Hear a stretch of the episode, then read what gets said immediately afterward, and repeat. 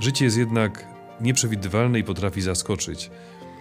Kiedy w poprzednich latach rozważaliśmy Ewangelię o uzdrowieniu trędowatego, wszystkie te przepisy biblijne dotyczące postępowania wobec osób chorych na trąd wydawały się egzotyczne i bardzo obce. Nie przypuszczaliśmy, że dożyjemy czasów, w których część tych zasad zacznie i nas obowiązywać. Do osoby chorej na trąd nie można było się zbliżyć na odległość mniejszą niż półtorej metra, a w przypadku, gdy wiatr wiał od jej strony, ta odległość wynosiła 40 metrów. A dziś mamy również dystans społeczny i wiemy, że są obostrzenia związane z odległością, na jaką można zbliżać się do innych osób. Osoba trędowata musiała sygnalizować, że jest chora. Miała włosy rozwichrzone, głowę bez nakrycia, ubranie w nieładzie i musiała z daleka krzyczeć nieczysty, nieczysty. A dzisiaj mamy specjalne aplikacje, które informują nas, czy przypadkiem gdzieś w pobliżu nie ma osoby niebezpiecznej, która może zarażać. Trąd jest straszną chorobą. Na szczęście dziś już mamy antybiotyki, które mm, skutecznie zapobiegają śmiertelności tej choroby, bo trąd oznaczał umieranie na raty. Najpierw pojawiał się mały wrzód, który później się rozwijał, choroba zaczęła ogarniać cały organizm. Głos człowieka trędowatego stawał się chrapliwy, oczy szkliste, wyginały się palce i człowiek powoli tracił kolejne części swego ciała. Choroba oznaczała powolne umieranie. I w tym kontekście zaskakuje modlitwa trędowatego z Ewangelii Świętego Marka. Człowiek dotknięty tak wielkim nieszczęściem, wydawałoby się, że powinien w sposób bardzo żarliwy, pełen emocji prosić Jezusa: Musisz mnie uzdrowić. Skoro jest Jezus, y, który słynie z tego, że potrafi dokonywać cudów, jest okazja do tego, żeby wyzwolić się z, tej strasznej choroby, to taki człowiek chory powinien włożyć w tą modlitwę maksimum swoich emocji i mówić z wielkim rozgorączkowaniem. Tymczasem trędowaty w Ewangelii mówi: Jezu, jeśli chcesz, możesz mnie oczyścić. Właśnie taka modlitwa jest wzorem modlitwy. Modlitwa pełna rozgorączkowania, w której człowiekowi bardziej chodzi o to, co może uzyskać dzięki tej modlitwie, a nie o samą, samą rozmowę z Bogiem, o spotkanie z Jezusem, bardzo często kończy się całkowitym zerwaniem relacji z Bogiem. Jest takie piękne opowiadanie Ernesta Hemingwaya pod tytułem Bardzo krótka historia. W opowiadaniu spotykamy żołnierza, który jest na pierwszej linii frontu, znajduje się w okopie, trwa ostrzał artyleryjski. To wszystko ma miejsce pod Fosaltą. Żołnierz leży cały spocony ze strachu, leży płasko, żeby jak najmniej wystawać poza okopy i modli się. Hemingway tak tę modlitwę relacjonuje. O Jezu Chryste, wydostań mnie stąd. Jezu kochany, błagam, wydostań mnie stąd. Chryste, błagam, błagam, błagam Chryste.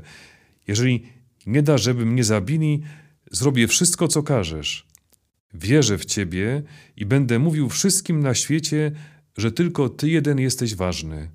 Proszę Cię, proszę, dobry Jezu.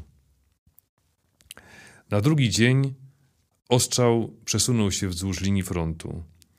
Rano wzeszło słońce i dzień był gorący, parny, wesoły i spokojny. Następnego wieczora w Mestre żołnierz nie opowiedział o Jezusie tej dziewczynie, z którą poszedł na górę Villa Rosa i nigdy nie opowiedział nikomu. Modlitwa przyniosła owoc. Żołnierz wyprosił łaskę ocalenia od śmierci, ale na drugi dzień już nie pamiętał o tym, kto mu tą łaskę wyświadczył. Moi kochani, prawdziwa modlitwa to spotkanie z Bogiem, spotkanie z Jezusem. I samo spotkanie przemienia człowieka. Zauważmy, że trędowatemu z Ewangelii nie chodzi, to jest zaskakujące, o to, żeby za wszelką cenę wymóc na Jezusie oczyszczenie. Mówi: Jeżeli chcesz, możesz mnie oczyścić. Mamy tutaj w naszym studio miętę. Tę miętę zasialiśmy mm, trzy miesiące temu. Mięta wzeszła, ale okazało się, że jest inna niż taka, która rośnie na polu, na wiosnę czy w lecie. Ta mięta jest troszkę taka rachityczna, chociaż ma bardzo ładny zapach, zwłaszcza jak się ją troszkę poruszy. I piliśmy już herbatę y, z tą świeżą miętą, zaparzoną na, tą, na tej właśnie świeżej mięcie, była bardzo dobra. To jednak widzimy, że te łodyżki są y, cienkie, ta mięta zamiast rosnąć w górę, tak się tak płasko płoży, a odległość między listkami jest nieco wydłużona. Jakby mięta czegoś szukała. Zapytaliśmy ogrodnika, który się dobrze zna na y, hodowli roślin, dlaczego ta mięta rośnie w tak dziwny sposób. I on mówi, bo brakuje jej światła. Myśmy przecież nawet zapewnili specjalną żarówkę. Zauważmy, że ta mięta jest w takim naczyniu, takiej donicy, która jest tak skonstruowana, że mięta ma cały czas zapewniony dostęp wody. Y, warto sobie, jeżeli ktoś chce hodować zioła w domu, czy jakieś roślinki, sprawić taką doniczkę. Jest bardzo wygodna i praktyczna. Mamy specjalną żarówkę, która doświetla, y, imitując prawdziwe światło. Y, jednak to nie zastąpiło światła słonecznego. I powiedział ten nasz znajomy ogrodnik, brakuje prawdziwego światła. No mięta, żeby się rozwijać, potrzebuje światła. I kiedy rozmawiałem z tym naszym ogrodnikiem, wtedy mi się skojarzyło y, to z moim życiem duchowym. Żeby się rozwijać, potrzebuję światła, potrzebuję spotkania z Jezusem. I potrzebuję tego, by modlitwę przeżywać nie jako rozmowę z kimś, kto mi ma zapewnić to, czego żądam, nie, w której, nie, nie, nie jako sytuację, w której traktuję Jezusa jako Y, kogoś, kto ma, jak święty Mikołaj, wypełnia jak wszystkie moje zachcianki. Jak przycisk z, osłonięty szybką z napisem zbij w razie potrzeby. Modlitwa to spotkanie z żywym Jezusem i to spotkanie przemienia. Kiedy Mojżesz schodził z góry Synaj z tablicami świadectwa, czytamy w Księdze Wyjścia, jego oblicze promieniało na skutek spotkania z Bogiem. To spotkanie z Bogiem zmieniło wygląd jego twarzy.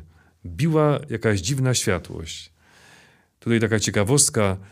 Mamy rzeźbę Michała Anioła, Moj, Mojżesz i wiele innych ujęć z tamtej epoki. Pokazuje Mojżesza z rogami na głowie. Wszystko wzięło się stąd, że święty Hieronim, tłumacząc oryginał Pisma Świętego Starego Testamentu na język łaciński, źle zrozumiał słowo, które ma bardzo podobnie brzmi, a ma dwa znaczenia. Hebrajski wyraz oznaczający promieniowanie, promienienie, czyli, czyli śnienie na przykład twarzy, brzmi bardzo podobnie jak pojawienie się rogów. I on to źle przetłumaczył, stąd na wielu podobiznach Mojżesza widzimy tę postać ze Starego Testamentu właśnie z rogami. Tymczasem dziś wiemy, że chodziło o to, że od twarzy Mojżesza biła dziwna światłość ze względu na spotkanie z Jezusem. Kiedy ktoś z naszych współbraci, księży, wraca z rekolekcji, bardzo często, gdy powraca na parafię, księża się uśmiechają i mówią: Ale ty się zmieniłeś, ale bije od ciebie jakieś światło. Y, to jest żart, ale w nim jest troszkę prawdy. Spotkanie z Bogiem zmienia serce człowieka. Kiedy Szczepan był kamienowany, y, to nieprzychylni mu członkowie Sanhedrynu, patrząc na twarz męczennika, zaczęli się dziwić i mówią: Ta twarz, kiedy tak się jej przypatrywali, przypomina oblicze anioła. Trudno powiedzieć, co przeżyli, czego doświadczyli, ale będąc po przeciwnej stronie y, zaczęli podziwiać twarz świętego Szczepana, przypominającą twarz anioła.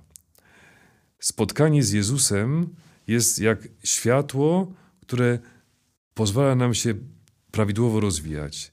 to spotkanie przeżywane codziennie, nawet wtedy, jeśli na modlitwie zaśniemy, tak jak papież Franciszek. On się zwierzał, zwierzył kiedyś z tego, że zdarza mu się zasnąć na adoracji Najświętszego Sakramentu.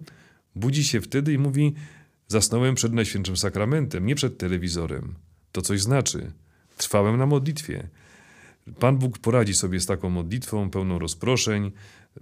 Pan Bóg sobie potrafi poradzić z modlitwą, w czasie której nawet zaśniemy, bo liczy się to, że jesteśmy z Nim w Jego obecności. I ta obecność nas zmienia.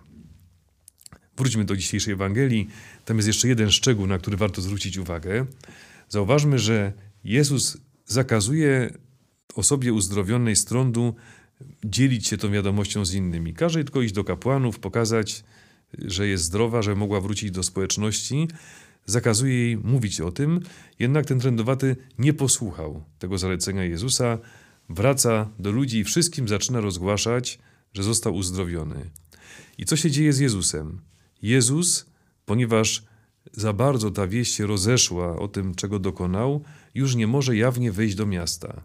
Przecież ludzie by go od razu schwycili i musiałby od rana do wieczora czynić cuda, uzdrawiać. To byłoby źle zrozumiane, bo jeszcze ludzie wtedy nie dojrzeli do przyjęcia tego, kim jest Jezus, jaka jest jego właściwa misja i posłannictwo. I co się okazuje? Człowiek trędowaty, który do tej pory był w izolacji od społeczeństwa, może wrócić do miasta, a Jezus nie może już wejść do miasta. Czyli jakby Jezus zamienia się z tym trędowatym rolami. Zamieniają się rolami. Jezus uzdrawia tego człowieka kosztem swojej izolacji.